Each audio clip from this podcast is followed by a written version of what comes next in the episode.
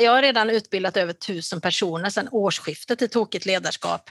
ehm, och resten av året kommer handla väldigt mycket om att missionera ut eh, hur, hur, dels arbetssättet, hur kan man jobba med innovation och idéutveckling på ett konkret sätt och varför ska vi jobba agilt då till exempel, men också hur man, hur man leder sig själv och andra genom den typen av processer. För om vi kan tillhandahålla de verktygen och, och det förhållningssättet för många, då bidrar, då får vi stor impact, då hjälper vi till, då kan vi göra stor skillnad.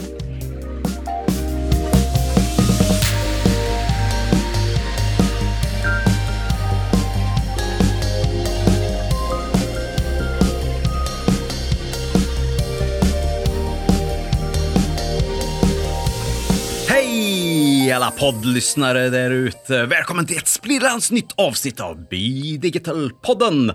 Och eh, jag heter Stefan Skoglund och tillsammans med mig idag i studion här har jag Lise Bergqvist. Hej Lise! Hur är det med Hallå! dig? Hej hej, hur är det? Det, ja, men det är underbart ju. Fantastiskt. Vi går ju här mot semester och sommar och sol. Det är underbart. Hur är det själv?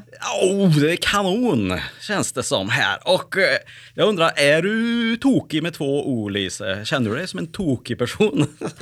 ja, ibland kan man ju faktiskt bli tokig. ja, precis. Jag tycker, för du har lyssnat på min intervju som jag har gjort här med Maria Ben Salem. Och eh, temat här är ju just tokig då. Och det, med två O får vi ju betona då. ja, precis. Om ni vill googla. Va, vad säger du? Eh, ska vi inte ta och låta lyssnarna också få en inblick i det tokiga ledarskapet. Precis som du har fått. Det tycker jag att eh, vi gör. Vi lyssnar här direkt tycker jag vad Maria har att dela med sig av för tokigheter då. Ja, ja det, det låter så lite så 70-tal med ordet tokigt tycker jag. Men när man sätter två ord på det här och, och definierar det. det så som Maria gör här i intervjun så blir det någonting helt annat. Jag tycker det är ett fantastiskt sätt att, att paketera hur det är i världen just nu som Maria har gjort. Ja, så får vi väl se vad det här ordet eh, egentligen betyder i det här sammanhanget då. Exakt! Och så blir jag jättenyfiken sen på att höra dina tankar och reflektioner efter intervjun. Så det kör vi då. Yes! Let's Kul! roll!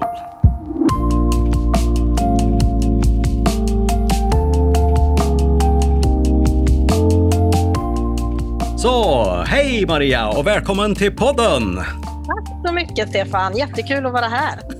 och tack för en fantastisk bok som du har gjort och en workshop som jag fick vara med på när vi träffades senast. Och efter den workshopen kände jag att verkligen det här måste ju lyssnarna i Bidigital-podden få höra. Så det är superkul att ha det här. Hur, hur, är det med dig annars idag så här? Ja, men det är ju jätte, jättebra med mig idag. Det är ju måndag, men det är juni. Ja. Och eh, det är varmt och härligt ute så att eh, man ska ju inte klaga. Nej. Verkligen nej. inte. Även om du då säger att världen har blivit tokig. Vad menar du med det? Ja, men världen har ju förändrats, eh, eller världen har väl alltid förändrats. Eh, vi har ju aldrig stått still, men man kan väl säga att förändringstakten har eh, ökat eh, ganska dramatiskt, eh, inte minst senaste året. Och vi har dessutom gått från ett kunskapssamhälle till ett innovationssamhälle på väldigt kort tid och det innebär att om det tidigare var väldigt viktigt att, att ha kunskap och kunna massa saker så är det ännu viktigare nu att också kunna omsätta de kunskaperna och skapa värde eh, i en tid där förändrings, förändringstakten är väldigt, väldigt hög. Så, så tokigt står för en, eh, ett sammanhang som är tvetydigt. Om vi börjar med T till tokigt, till exempel att det är väldigt svårt att veta vad som är fakta. Till exempel. Ja. Det är väldigt svårt att veta vad som är fakta och vad som är åsikt eller tyckande. Ja, ja. Eh, källkritik är en viktig fråga eh, i dessa dagar. Det är en, en, situation som är obekväm just för att vi är i ständig förändring och snabb förändring dessutom.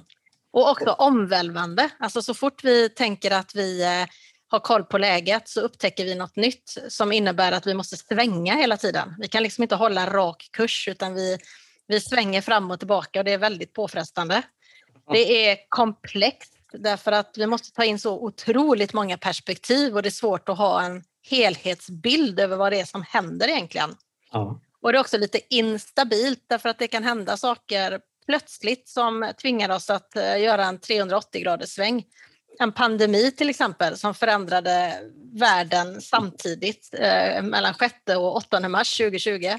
Aha. Men också lite gåtfullt därför att i, i den här eh, turbulensen så uppstår det ju nya möjligheter också. Och vi, det gäller ju dels att man ser de möjligheterna så att man inte missar dem men också kan omvandla dem i praktiken och skapa värde eh, för någon. Så att det, det är den tokiga kontexten som ställer helt andra krav på människor och, och då behöver man också leda på ett annat sätt. Underbart. Jag, jag hade ju tänkt att du skulle få definiera de här T-O-O-K-I-G-grejerna, eh, men det körde du på med en gång underbart liksom. Så rakt på liksom, så vet ni vad det är. Så om ni inte hängde med här nu så är det alltså en förkortningen här, T-O-O-K-I-G, som, som var alla de här grejerna som du nämnde här. Jag tycker det är en grym sammanfattning av den knäppa, galna, eh, kaotiska världen som vi lever i just nu. Som också är bättre än någonsin på sätt och vis. Så det är ju rätt, det är rätt så härligt att vi har de här grejerna samtidigt. Den bästa tiden någonsin och den sämsta tiden någonsin känns det som ibland. Ja, hur som helst, men eh, bara kort så här, vem är du då egentligen och vad gör du? Eh, jag är alltid så här nyfiken, vad gör folk egentligen på dagarna, på dina arbetsdagar här nu då? Uh, och, och det här, jag vet ju att du är från Drivhuset, men alla våra lyssnare kanske inte känner till vad Drivhuset är ens, så det får du gärna berätta också. Så kort om dig. Maria Bensalem Dynel heter jag då är VD på Drivhuset Göteborg och också metodansvarig för Drivhuset Norden. Eh, och jag firar 20-årsjubileum eh, nu i augusti, eh, vilket jag tycker är nästan chockerande hur, hur, snabbt eh, tiden har gått. Men då måste du ha varit någon av de första som var med och startade upp hela Drivhuset-grejen också då? Ja, jag var ju inte initiativtagare, men jag kom med väldigt tidigt. Så att okay. i Göteborg bildades eh, verksamheten 98 och jag hoppade på 2001 då. Och om jag inte missminner mig så kommer du ursprungligen från Värmland, eller hur? Jajamän, första drivhuset startade i Karlstad ja, av eh, Christer ja, Westlund och Fredrik Langborg. Exakt. På, ja. på den tiden väldigt drivna eh, studenter på Karlstad universitet och sen har ju drivhuset eh, pluppat upp på 14 olika platser i Sverige och vi finns även i Finland och vi finns i Norge faktiskt. Coolt, en värmländsk export. Eller hur? Det kan ja, ni vara ja. väldigt stolta över i Värmland. Ja, det är vi verkligen. Ja. Och vi, jobbar ju, ja. ja. vi jobbar ju med entreprenörskap och innovation och idéutveckling till vardags. Ur den breda definitionen skulle jag vilja säga, så dels eh, med människor som har idéer som man vill omsätta. Eh, många gör det i form av eget företag, men det är ju inte någon slags dealbreaker för oss, utan det kan ju också vara andra typer av projekt eh, I Göteborg jobbar vi också väldigt mycket med befintliga företag, befintliga verksamheter, men också med offentlig sektor. Överallt där entreprenörskap och innovation behövs för att utveckla nya hållbara lösningar helt enkelt på olika typer av problem och utmaningar. Men menar du, för, för mig är Drivhuset väldigt förknippat med just studenter, men här pratar du om många olika målgrupper som ni jobbar med. Är det tillsammans med studenterna då som ni gör det här eller? Ja, det, vi har lite olika inriktning på olika drivhus lokalt. Aha, eh, okay. så att, ja, eh, vi har en väldigt nära koppling till universitet och högskolor och vi jobbar också i Göteborg väldigt mycket med studenter, men även i andra, på andra arenor. Eh, mm. och vi försöker också koppla ihop studenter med andra typer av innovationsprocesser, till exempel, där studenter kan komma in som en viktig resurs eh, och göra nytta under sina studier, även i näringslivet och offentlig sektor. Eh, så vi, och jag är också då metodansvarig eh, för Drivhuset Norden och i den egenskapen då har vi ju dels utvecklat ett eh, exempel på ett agilt arbetssätt ihop med Chalmers entreprenörsskola som heter LOOP-metoden. Eh, och nu då drygt år tillbaka så har vi också då tokigt ledarskap som handlar om hur man leder den här typen av agila iterativa processer eh, som, eh, som faktiskt kräver en an, ett annat sätt att leda än om vi hade jobbat mer målstyrt och linjärt så att säga. Ja, jag har ju läst båda de här böckerna, både Lopa och, och Tokigt. Och jag tycker de är skitbra. Och jag älskar ju särskilt att man faktiskt kan läsa dem över en helg och, och vara klar. Det är, liksom inte, det är liksom inte 500 sidor på engelska i, i managementlitteratur, utan liksom det är effektivt, snabbt, rakt på sak och saker jag kan göra någonting med.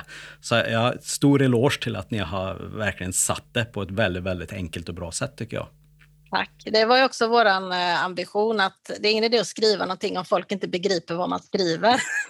eh, och det de flesta behöver hjälp med det är ju hur man ska göra någonting, inte vad man ska göra. Det, alla säger vad man ska göra, men problemet är ju när man inte vet hur det ska gå till. Eh, så det har ju varit eh, vår ambition både med Lopa och Tokig. Tokig har jag ju då utvecklat ihop med en annan forskare från Göteborgs universitet som heter Leif Denti.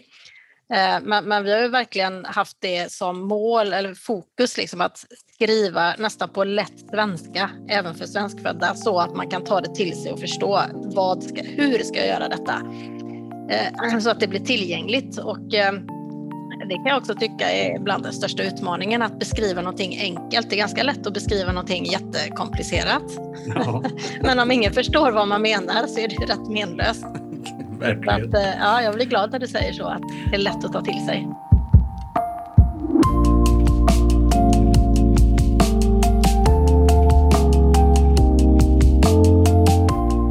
Så vad är de största skillnaderna här egentligen på det här arbetssättet som du beskriver jämfört med det som man kanske klassiskt eh, tänker om är nu ska du göra en affärsplan och en budget och så vidare. Eh, och så ska den vara fem år framåt, och, eller hur man nu jobbar. Och, eh, vad är skillnaden egentligen med, med det här sättet som ni jobbar då? Ja, vi brukar dela upp det i målstyrda eh, respektive målsökande processer och målstyrda processer har vi ju alla tränats i eh, historiskt sett genom hela vårt liv. Eh, och det är också sättet vi har lärt oss att man ska arbeta utifrån och det är till exempel att man ska sätta smarta mål Ja. Så att vi vet vart vi ska. Eh, smarta mål och har vi smarta mål så kan vi dra upp en handlingsplan eller projektplan eller affärsplan. Och så följer vi de här stegen och så når vi ju vårt smarta mål. Eh, och det betyder också att processen i sig är väldigt central. Vi dokumenterar processen väldigt nog noggrant, ofta också av kvalitetsskäl, att vi vill kunna upprepa processen igen så att vi får samma kvalitet. Eh, och det betyder också att vi inte reagerar på förändringar. Det är liksom själva poängen egentligen med målstyrda processer. Men problemet är ju bara då när vi befinner oss i ett tokigt sammanhang där vi inte riktigt vet vad vi ska skapa för resultat. Vi, vi jobbar mer syftesdrivet, så vi ska lösa en utmaning till exempel. Men hur den lösningen ser ut känner vi inte till. Det är den vi liksom ska söka efter och utveckla. Då blir det väldigt svårt att sätta ett smart mål. Vi vet ju inte vart vi ska hamna utan jobbar mer mot syfte. Och för att överhuvudtaget komma framåt då så det går ju liksom inte att sätta smart mål och då kan vi inte heller dra upp en plan för att veta hur vi ska komma till vart vi nu inte vet vart vi ska. Så istället så måste vi jobba agilt och det betyder att vi måste interagera med omvärlden och söka svar från dem vi ska skapa värde för till exempel. Vi behöver inleda en dialog och lyssna väldigt mycket på dem. Eh, vi behöver lyssna på feedback och sen beroende på vad vi får för kunskap eller vad vi får för feedback så behöver vi svänga längs med vägen. Alltså vi agerar på förändringar till skillnad från det målstyrda processen, eh, målstyrda arbetssättet. Och, men problemet är ofta att det här är ju förknippat med så enormt hög osäkerhet. Alltså, och osäkerhet reagerar vi människor extremt kraftfullt på. Alltså det är väldigt mänskligt att försöka kontrollera eller minska eller helst eliminera osäkerhet. Och sättet vi gör det på då det är genom, genom att sätta smarta mål. För då känns det som vi tar kontroll Problemet är ju bara då att när vi väl börjar jobba så kommer vi behöva svänga. Då svänger vi av alla planer och då upplever vi plötsligt att vi har kört i diket eller misslyckats för att vi kan inte följa planen som egentligen var menlös från början. Så jag brukar kalla det för när man sätter upp smarta mål och handlingsplaner, affärsplaner, projektplaner, när det inte går så brukar jag kalla det för strukturella snuttefiltar. För det känns bra inledningsvis, men sen blir de här planerna blir själva liksom hindret eller problemet för att komma framåt. Det här är ju superintressant. Jag, jag, måste fråga bara två grejer kring det här då. För nu har vi pratat lite grann om, om entreprenörer och det, det är uppenbart att i startupvärlden så måste man jobba så här för allting är så snabbt eh, förändligt i, i teknikvärlden och så vidare. Men, men, vilka andra målgrupper eh, finns det som också borde anamma det här? Du nämnde offentlig sektor och befintliga företag här lite grann. Alltså behöver de också jobba så här på det sättet? Och det andra jag tänkte på, ser du krascher här mellan generationer? Om det är nya, yngre eller äldre eller gamla, ut, gammalt utbildat folk jämfört med nya. Eller tvärtom, att de nya är inte alls och de gamla är lite mer flexibla. Eller kan du se skillnader mellan människor också så här? Det vore kul att höra lite grann dina tankar kring. Ja, Eh, första frågan. Alla som behöver utveckla nya lösningar på befintliga utmaningar eller problem måste jobba agilt. Och vi kan ju prata lite mer om vad det innebär konkret, definitioner på det sen. Därför att det, vi kan helt enkelt inte sätta mål på någonting som vi inte känner till. Eh, och då blir det väldigt svårt att dra upp en plan. Och särskilt skulle jag säga inom offentlig sektor och faktiskt i större organisationer så är det extra utmanande därför att då har man också en eh, i offentlig sektor så är man ju väldigt regelstyrd å ena sidan och politiskt styrd å den andra sidan. Och att jobba i en målsökande tokig process är ju, är förknippat med ganska mycket risk såklart.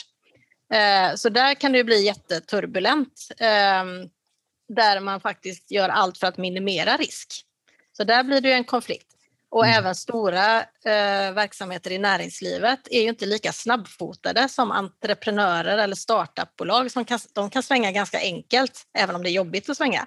Men stora organisationer eh, svänger ju väldigt mycket långsammare Ehm, och är väldigt vana vid att jobba just målstyrda processer. Eh, märker jag någon skillnad mellan generationer, alltså förmåga eller förhållningssätt kring det här? Mm, jag skulle inte säga att det är någon skillnad mellan generationer. Däremot så kan det vara konflikter internt då, så det blir en, en kamp om resurser eh, mellan de som eh, jobbar med nuet i det målstyrda eh, jämförelsevis med eventuellt då de som ska jobba med framtiden och innovation och så vidare. Då blir det en, kan det bli en, kamp om resurser och, och vilket är, är, något bättre än det andra och så vidare. Eh, och så kan man fastna lite i, i en sån konflikt. Och jag skulle inte vilja säga att det ena är bättre än det andra. Det är klart att i vissa sammanhang så måste vi jobba målstyrt. Men vi vill ju inte till exempel att en läkare i en operationssal ska jobba målsökande. Det vore lite väl risky.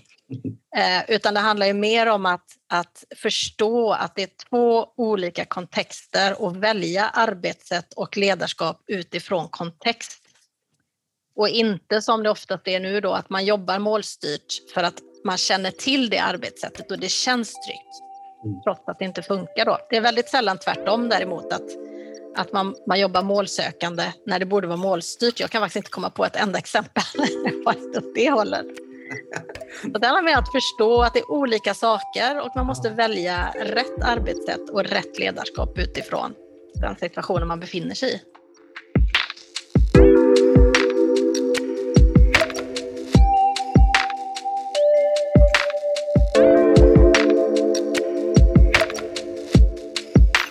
om man är ett befintligt företag då, kan det vara en poäng att flytta ut en viss grupp och låta dem leva sitt eget liv vid sidan av det befintliga så här? Eller bör man sträva efter att ställa om hela organisationen, vilket ju kan ta lång tid när det gäller eh, arbetssätt och kulturer på det här sättet? Eh, jag, jag, tror ju inte att det är så bra att lyfta ut en grupp och låta dem springa lite för sig själva därför att de kommer ju påverka hela organisationen. Däremot behöver det inte betyda att alla i organisationen ska jobba målsökande. Men jag tror att det handlar väldigt mycket om att, ha, att man har en gemensam förståelse för båda arbetssätten och när man behöver jobba på det ena eller andra sättet. För det är ofta så också att en målsökande process kan behöva eh, eh, bli en målstyrd process. Alltså när man börjar närma sig ett resultat om man till exempel ska gå in i en implementeringsfas, då, då kan ju den här målsökande gå över till ett målstyrt. Eller tvärtom, att man kör en målstyrd process och sen så upptäcker man att det här funkar inte längre, vi måste jobba på ett annat sätt. Eh, ja. Så, att, så att det är inte heller, alltså jag, jag är lite sådär, parallella spår brukar inte funka liksom på sikt, utan jag tror att man behöver förstå varandra. Eh, men att det är helt okej okay att vissa är experter på det ena och andra på det andra. Men vi måste ändå prata med varandra och sam samarbeta liksom. Ja, ja. Ehm, och, ha, och, och, ha samma förhållningssätt. Ehm, tror jag är väldigt viktigt. Och också ända upp i ledningen är ju jätteviktigt att, att eh, ledningen eh, förstår skillnaden så att man också kan ha rätt förväntningar liksom, på resultat och så vidare. Eh, hur, för man mm. behöver också mäta de här olika processerna på olika sätt. Eh, så det, det, det här är också ett exempel på komplexiteten eh, i den här tokiga kontexten. ja. Du, jag, sen är en grej som jag har varit nyfiken på sen, sen vi möttes i den här workshopen då. Då gav du oss en gruppuppgift. Där vi fick uppgiften, och uppgiften var helt enkelt bara, var kreativa. Och så kastade, blev vi inkastade i breakout rooms då. Eh, eh, och det var inte helt lätt då i ett gäng med helt okända människor.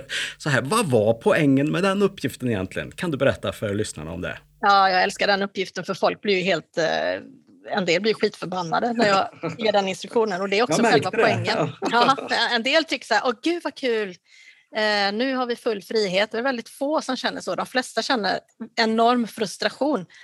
Och det, jag har den övningen för att påvisa att det finns olika typer av osäkerhet.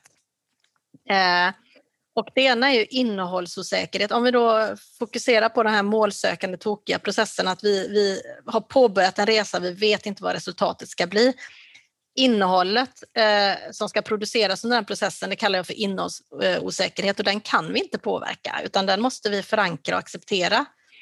Eh, men däremot processen i sig, alltså processosäkerheten, kan vi minska som ledare.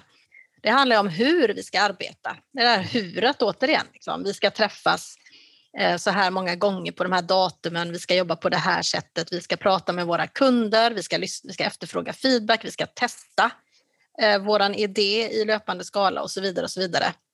Eh, så genom att vara väldigt konkret i hur vi ska arbeta så ökar också toleransen för att vi inte riktigt vet vad resultatet ska bli, alltså innehållsosäkerheten. Och det skulle jag säga är, är en ledare. Det, är två, det finns många utmaningar att leda den här typen av processer, men de två viktigaste som man kan ta med sig det, det, är att hålla osäkerheten på en rimlig nivå. Så vi kommer aldrig kunna ta bort osäkerheten. Det, det är fel förväntan om man tror det. Men den får heller inte vara för hög och ett sätt att göra det är att ha en väldigt låg processosäkerhet. Eh, och den andra utmaningen man har som ledare eller överhuvudtaget när man jobbar i den här typen av processer det är att hålla en helhetsbild, att hålla ett helhetsperspektiv är jätte, jätte, jättesvårt. Mm. Därför att det är så mycket känslor förknippat med den här typen av process och starka känslor eh, gör att vi direkt får tunnelseende, vi människor. Vi tappar eh, helhetsperspektivet fullständigt. Så att som ledare så är det viktigt att man försöker hålla distansen eh, människor kommer uttrycka väldigt starka känslor på grund av hög osäkerhet. Men vi, vi, det är viktigt att vi inte låter oss smittas av det, eh, vilket är väldigt lätt då. Och om jag kommer ihåg rätt här så gav du ett gäng exempel på faktiskt hur sån här osäkerhet kunde te sig hos människor. Det var några praktiska grejer. Kan du ge några exempel? Ja, eh, det som också gör det här komplext är att vi människor är olika. Alltså ja. vi reagerar ju väldigt olika på osäkerhet. En del blir tysta, en del blir frustrerade, en del blir, får ångest, en del blir aggressiva. Men det finns tre typer av beteenden som är väldigt vanliga. Sen kan det ta sig tusen olika uttryck. Men det ena är flyktbeteenden till exempel. Alltså vi står inte ut med den här osäkerheten så vi, vi försöker dra helt enkelt. Det kan vara att man inte dyker upp i tid eh, eller ens dyker upp alls på möten eller man eh, levererar inte det man ska i utsatt tid och så vidare. Liksom. Eh, eller så slutar man om det är riktigt illa, man, man ja, försvinner. Ett annat vanligt beteende det är pseudoargument. Alltså att man lägger över ansvaret på något eller någon annan. Eh, det är kollegornas fel, det är kundernas fel, det är chefens fel och så är man oftast också väldigt generaliserande i sin beskrivning. Det, har man varit chef med personalansvar så har man säkert någon gång i alla fall hört någon klaga på internstruktur eller internkommunikation. Mm. Eh, och det är möjligt att man har problem med internstruktur och internkommunikation men det är inte särskilt ovanligt att när man ställer en rak fråga och ber någon specificera var brister vi så kan man inte riktigt det utan struktur och kommunikation får klä skott för någon annan osäkerhet. Men man kan liksom inte beskriva det för en känsla, så då skyller man helt enkelt på någon annan. Eh, och det kan man ju också vara beredd på som ledare, att, att lite då och då bli attackerad. Eh, och då är det viktigt att inte då eh, agera på det och bli förbannad och tappa helhetsperspektivet. Utan mer, okej, okay, den kom den, okej, okay Eh, inte låta sig smittas, inte gå i försvar, inte ge igen och sådana saker utan se det som ett naturligt beteende och hantera det utifrån det då.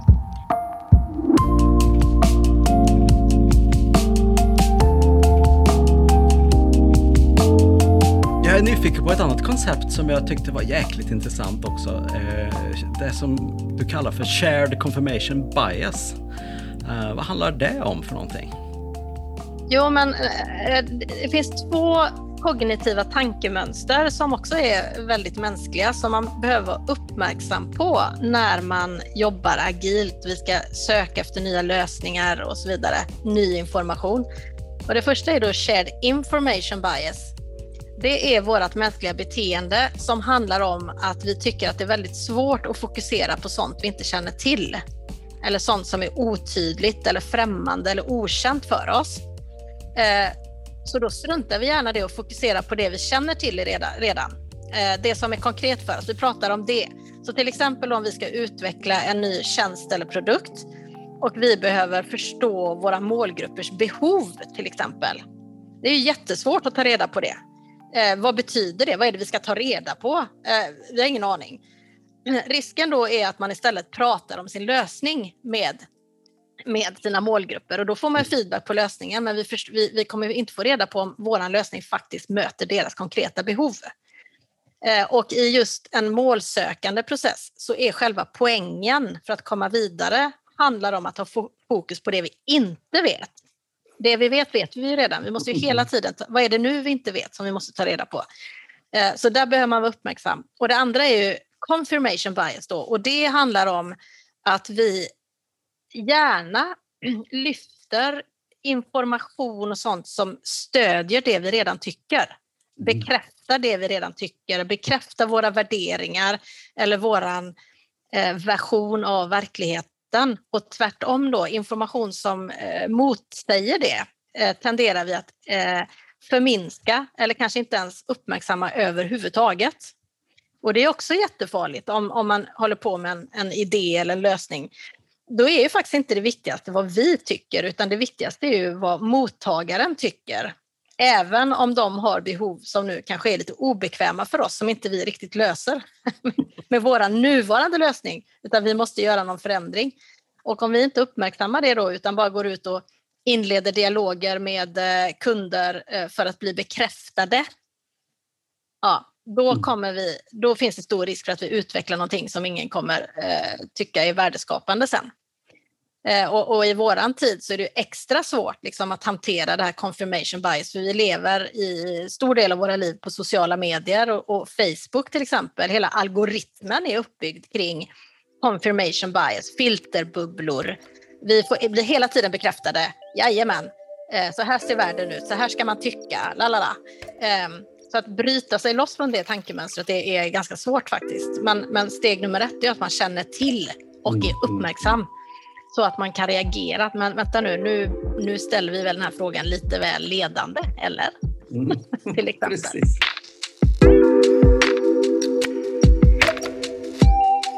Ja, men det är ju en praktisk sak som vi kan tänka på som eh, ledare. Då. Och som vi tar det perspektivet lite mer. Vad, vad mer kan man tänka på då och göra så här när världen är galen och komplex och människor är förvirrade? Ja, tokigt helt enkelt.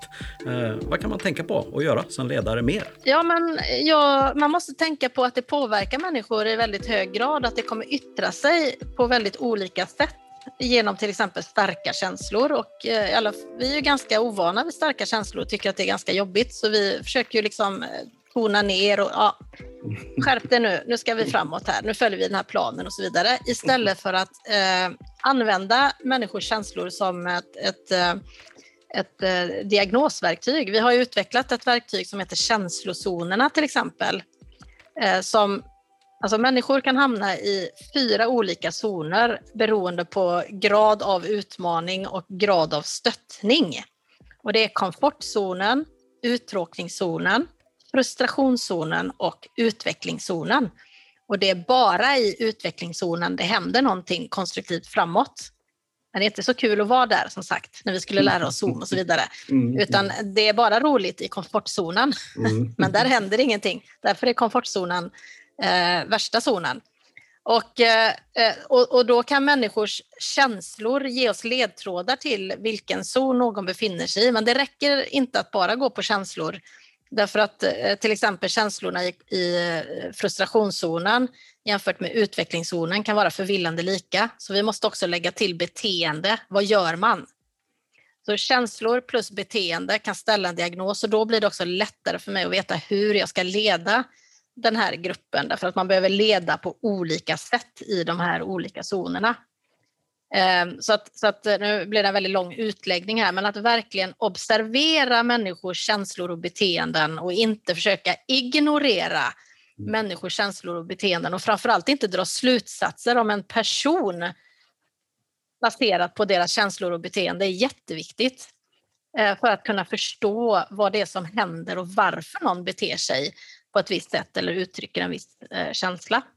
Mm. Eh, så att det handlar väldigt mycket om att inte underskatta hur mycket osäkerhet faktiskt påverkar människor, påverkar oss alla.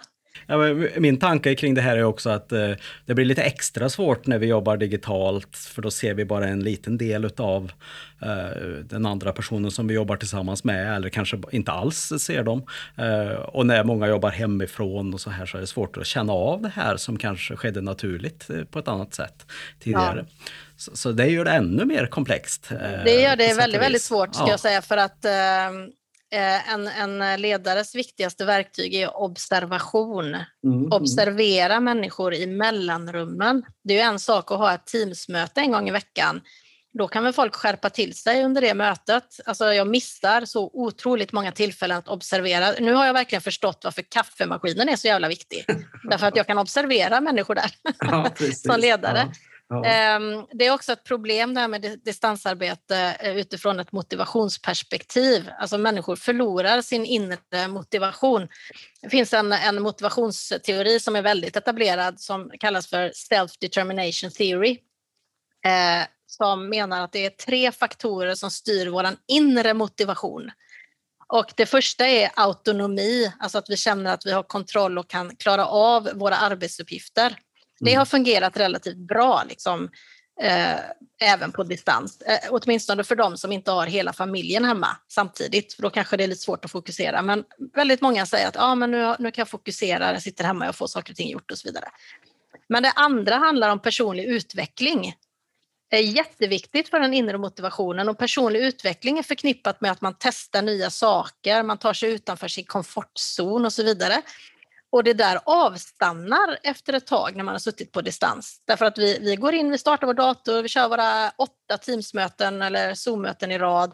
Men det är väldigt få faktiskt som inemellan de här mötena tänker, oh, vad ska jag prova för nytt idag? Så att vi, vi slutar utvecklas. Och det tredje som krävs för att man ska hålla inre, hög inre motivation, det är en känsla av en social gemenskap och den är ju också väldigt svår eh, att, att upprätthålla eh, på distans om man inte ja, vissa kör after work varje fredag och checkar in varje morgon. Men, men det är ju den här ständiga, känna att man faktiskt är en del av någonting, att man sitter i samma båt och ror åt samma håll med sina kollegor. Så att, eh, och det kan vi se nu under pandemin att det är otroligt många som har påverkats eh, extremt mycket av pandemin. Alltså som har blivit av med jobbet och så vidare. Men det är också väldigt många som säger upp sig från sina arbetsplatser för att de har tappat motivationen.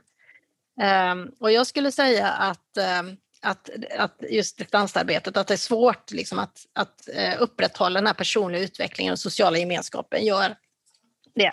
Så att det här är, och det finns ju ingen, eh, det börjar komma lite forskningsrapporter säger Leif då, som jag har skrivit Tokiboken med, men det är fortfarande eh, väldigt mycket eh, observation där på forskningssidan, för vi har ju inga svar, men mm. det ska bli väldigt intressant att få eh, svaret när, när, vi kommer igenom det här. Eh, och det blir också väldigt intressant nu då hur man kommer agera i höst till exempel? Kommer man eh, låta människor bestämma helt själva fritt eller liksom, hur ska man styra detta? Så att, så att man just ur en motivationssynpunkt eh, då. Och det är också en del som Leif har också berättat för mig att eh, man kan tänka sig att det är extroverta människor som har störst problem med distansarbete, men det är faktiskt tvärtom, att det är introverta människor som har svårast för distans arbete därför att man söker inte det här gemenskapen själv som kanske en extrovert eh, person skulle göra. Så jag, jag, tycker det här är oerhört fascinerande och intressant. Och jag har inga svar. Men jag bara, jag bara observerar och bara shit vad tokigt det är nu. Ja, ja, verkligen. Vilken maskin du är på att bara liksom mölja ut den här formen av kunskap. Det är ju fantastiskt. Ja, eller, det... eller spekulationer, hej blandat. Ja, jag gissar. Liksom. Men jag observerar, jag tycker det är ja. intressant, jag älskar det här, jag tycker det är ja. fascinerande. Vad händer annars här nu då framöver, avslutningsvis, inom drivhuset och i Marias liv? Har du någonting juicy stuff du kan Ja, jag har ju aldrig några planer då, det har jag ju slutat med för länge sedan. Ja, eh, jag har ingen, det är ingen idé att ha en plan därför att världen förändras så oerhört eh, snabbt. Men vi jobbar ju väldigt mycket med eh, eh, sociala innovationer, social hållbarhet är vi extra engagerade på, på väldigt många olika sätt. Alltså, mm. för jag, jag, är ju helt övertygad eller besjälad av nästan en religiös tro på att entreprenörskap är en förutsättning för att lösa stora samhällsutmaningar och samtidigt eh, hur viktigt det är att människor förstår huret då, hur kan vi jobba? Eh, så att Hela, jag har redan utbildat över tusen personer sedan årsskiftet i tokigt ledarskap. ehm, och resten av året kommer handla väldigt mycket om att missionera ut eh, hur, hur, dels arbetssättet, hur kan man jobba med innovation och idéutveckling på ett konkret sätt och varför ska vi jobba agilt då till exempel. Men också hur man, hur man leder sig själv och andra genom den typen av processer. För om vi kan tillhandahålla de verktygen och, och det förhållningssättet för många, då bidrar, då får vi stor impact, då hjälper vi till, då kan vi göra stor skillnad. Eh, så att eh, det, det, är väl i princip det temat som jag ändå ser eh, kommer dominera 2021. Eh, och sen testar vi också massa olika saker. Mm. Vi, vi, eh, och träffar otroligt många olika människor. Så att, eh, men samtidigt beredd på att vända på en femöring för who knows? Ja, vem vet. Ja, verkligen. Ja. Vad underbart. Det är liksom inga nyårslöften här för din del, utan det är snarare teman som gäller. Ja. Årets tema är det här. Ja, men det är, ja. det är snyggt faktiskt, måste jag säga. Ja. Ja, och det temat måste ju på något sätt uh, ha en verklighetsförankring, vad som händer där ute i samhället. Ja, precis. Anpassa sig hela tiden utifrån det. Ja. Mm. Jättekul. Tack så jättemycket. Om man nu vill följa dig då, hur gör man det på bästa sätt eller kontakta dig? Ja, äh, ja det, jag finns ju på LinkedIn till exempel. Oh. Maria Bensalem heter jag där. ja. Eller så kan man mejla mig. Ja. Eh, maria.bensalem.drivhuset.se Twitter hoppade jag av för åratal sedan. jag, jag insåg att jag, jag klarar inte av att hålla bra konversation på 140 tecken. Men LinkedIn får man jättegärna eh, höra av sig eller skicka ett mejl eller slå en signal. Så det är bara kul. Ja, vad kul! Tack så jättemycket och, och vad kul det var att ha med dig i Be Digital-podden. Så eh, får vi se om det blir en uppföljning lite längre fram här utifrån hur ditt tema utvecklar sig under året så kanske det blir något annat framöver, vem vet? Så vi får följa upp då, för det här är ju någonting som jag tycker att du sprider på ett fantastiskt sätt och som också är otroligt viktigt för Sverige och tillväxten och för Värmland som ju vi, jag bor i och, så vidare. Att fler behöver förstå hur, hur världen ser ut och hur vi bör jobba i den. Och dessutom är det så jävla roligt också att jobba på det här sättet, eller hur? Det är så sjukt bara kul. Det liksom. Ja, kan man också skapa bättre saker samtidigt, ja men då är det ju rena bonusen. Ja. ja, jag är jätteglad. Tack så hemskt mycket för att jag fick vara med. Vad. Jag kommer gärna ja. tillbaka. Ja, det kändes ju väldigt eh, skönt att lyssna på det här måste jag säga. För att det är många saker som eh, jag tänkte, men gud, ska det verkligen vara så här i vardagen? Japp, det ska det. Det är osäkerhet och oro och inga planer i skrivbordslådan. Så Stefan, eh, hur, hur ofta känner du i din vardag att du lever i din comfort zone? ja, extremt sällan får man väl säga. Eh, det är väl snarare som så att i vardagen nu eh, så är det mycket mer frustrationszon kombinerat med utvecklingszon. Eh, och några små glimtar ibland om någon slags komfortzon kanske. Men jag känner ju också att jag aldrig i den här vardagen lever i någon slags uttråkningszon. Jag tyckte det var ett väldigt, väldigt bra ord faktiskt. För om ja. man gör det, då kanske man ska hitta på något annat. Nej, men så är det ju verkligen och, och som vi har pratat om också, den tillfredsställelsen som blir när man till slut landar i en lösning eller en ny tjänst eller idé som förverkligas, då är det ju värt det att leva i den här osäkerheten emellan. Så vi kan, kan vi försöka hitta tre bra tips här för ledare och medarbetare för att orka leva i den här ovissheten? Absolut, om det blir tre eller 18 det får vi väl se, men eh, vi, vi, testar lite. Min första reflektion eh, så här efter att ha lyssnat på intervjun igen då efter att ha gjort den var just det här att det finns ju också väldigt många som är nöjda och tycker att det här är väldigt kul. Och jag tycker ju själv att när någonting utkristalliserar sig och faktiskt blir av så är det ju en enorm tillfredsställelse. Men i processen så kan det ju vara väldigt jobbigt innan och inte mm. veta och inte ha kontroll. Men jag tyckte Maria sammanfattade det väldigt, väldigt bra att man faktiskt kan hantera den här osäkerheten genom och kanske inte vara helt fullständigt övertygad exakt om slutresultatet, hur det ska bli, utan istället då mm. om att vi tar det stegvis på det här sättet igenom och bygger en, då en processsäkerhet, tror jag hon kallar det. Just att mm. man tar sig säkert och då kan man acceptera att man inte vet exakt hur det ska bli i slutändan. Sen är ju mm. själva kicken är ju att faktiskt se att det blir någonting. Och det är ju också mm. lite kul i det här eh, arbetssättet. Ibland har man idéer om slutresultatet och vissa saker blir bara inte av. Nej. Nej, det bara det blev. Och så kom man på ett, efter, ett halvår efteråt att shit, det där var ju en idé och det, ingenting har hänt. Och det kan ju ändra vara en signal på att man är jävligt dålig entreprenör och inte gör någonting. Eller också att man faktiskt, ja, det var inte rätt idé eller rätt grej från början för, för det gick liksom aldrig igång på något sätt just den delen. För man ser ju ibland att vissa bollar drar iväg och faktiskt blir någonting. Och det är de som man då ska fortsätta rulla på tycker jag och mm. se till så att någonting blir gjort. Men är inte det lite grann eh, kärnan här då i det som du pratar om och som jag tycker vi har gång på gång återkommit kring i den här podden som kanske är ett av tipsen att faktiskt göra saker. Ja. Eh, och det känns som eh, vi har haft det mantrat på repeat här i podden.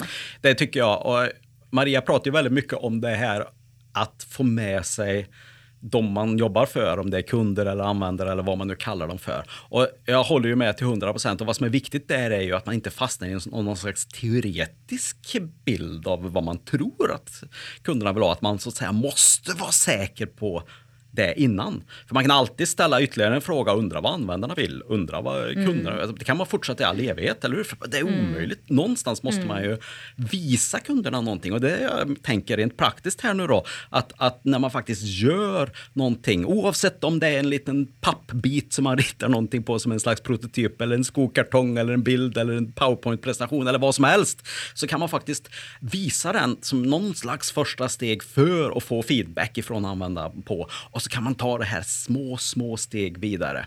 Den idén eller den tanken är liksom lite omvänd jämfört med att veta exakt vad kunderna vill först. Utan man mm. gör det tillsammans med kunderna. Tycker Precis. jag eh, är mycket effektivare. Eller vad, vad säger du?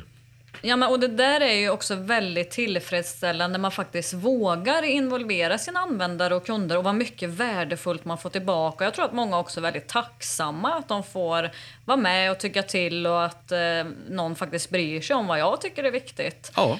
Eh, så att jag tror att det är många kunder som blir väldigt glada att få vara med och ge sin input. Och som sagt vad mycket man får tillbaka som man eh, kanske inte hade en aning om. Ja. Som man inte ser men som blir så tydligt när man får det ifrån användaren eller kunden. Jag tror att det är ett mycket bättre sätt eh, att jobba på det sättet än, än att förbereda sig ett halvår och göra en plan och, och av alla dess slag och, och, till slut göra en stor lansering och så bla bla bla, varsågod, här får ni och se vad som händer. Utan vi hinner ju inte, det går ju inte. Världen går så Nej. fort, det går inte att hålla på och jobba Nej. på det sättet. Och jag tyckte orden här målstyrning versus målsökning är väldigt bra sätt att diskutera det här. Sen mm. tyckte jag också att hon var så otroligt tydlig med att det faktiskt eh, gäller att välja arbetssätt här utifrån kontext, alltså omgivningen som man har. För vissa fall så passar det bättre med ett mer tydligt, nu ska bara det här göras. Fixas. Och då har vi ett mål och så sätter vi upp aktiviteter och så gör vi det utifrån en tidsplan. Och i vissa fall så är man mer i den här innovativa världen där man inte riktigt vet slutresultatet. Då, då, då gör man mer en, en, process för hur man ska ta sig dit och stegvis och jobba. Och så börjar man och testar och gör någonting och så tar man det stegvis vidare. Jag tycker det var sätta ord på det här eh, som jag tror att om man utbildar sin personal till exempel då, i det här så tror jag att det skulle kunna vara enklare och fler skulle ha mm. roligt på jobbet då, om vi får kalla det mm. så, än att man tycker att det är jobbigt då. Eh, mm. på jobbet. ja, men då handlar det väl kanske om att man internt då har pratat ihop sig kring att det är okej okay. och som hon sa att känna de här känslorna, eh, berg och dalbanekänslorna, att man faktiskt har pratat ihop sig kring det på arbetsplatsen. Så då kan det väl eh, kanske vara ett tips där då att, jag vet inte, utbildning, det låter lite Ja, tråkigt. jag vet inte vad man skulle kalla det, men man utbildar sig genom att prata och diskutera om mm. de här sakerna också då. Eh, och man kan ju givetvis gå kurser eller andra saker eller köpa boken Tokig och, och, och läsa tillsammans i arbetslaget det. eller vad man nu gör. Och, så det finns ju många sätt så att säga, om vi kallar det utbildning inom situationstecken. För sen i slutändan så handlar det ju ändå om att göra någonting och det är då man verkligen lär sig när man kastar sig in i det och gör det. Det är då det sätter sig. Mm. Ja men eh, vad bra, ska vi knyta ihop säcken där eller vad är det något annat som du vill tillägga här? Jag tyckte bara, jag blev lite nyfiken här på vad är ditt tema i år? Eftersom Maria pratade om sitt tema. Vad är ditt tema?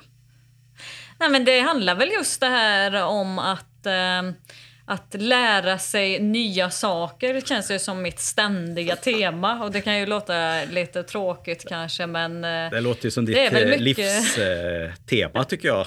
Livsmantrat. ja men det är väl en sak att fundera över tänker jag. Över en kopp um, någonting i, i trädgården mm. eller på balkongen eller hemma i soffan. Eh, just vad är mitt tema just nu? Kanske det här kvartalet, den här månaden eller det här året. Uh, intressant sätt att se ja, det. Men då blir jag ju nyfiken på, vad är ditt tema då, Stefan? Ja, det är ju nog det jag får fundera lite grann kring också. Jag kan inte svara direkt heller.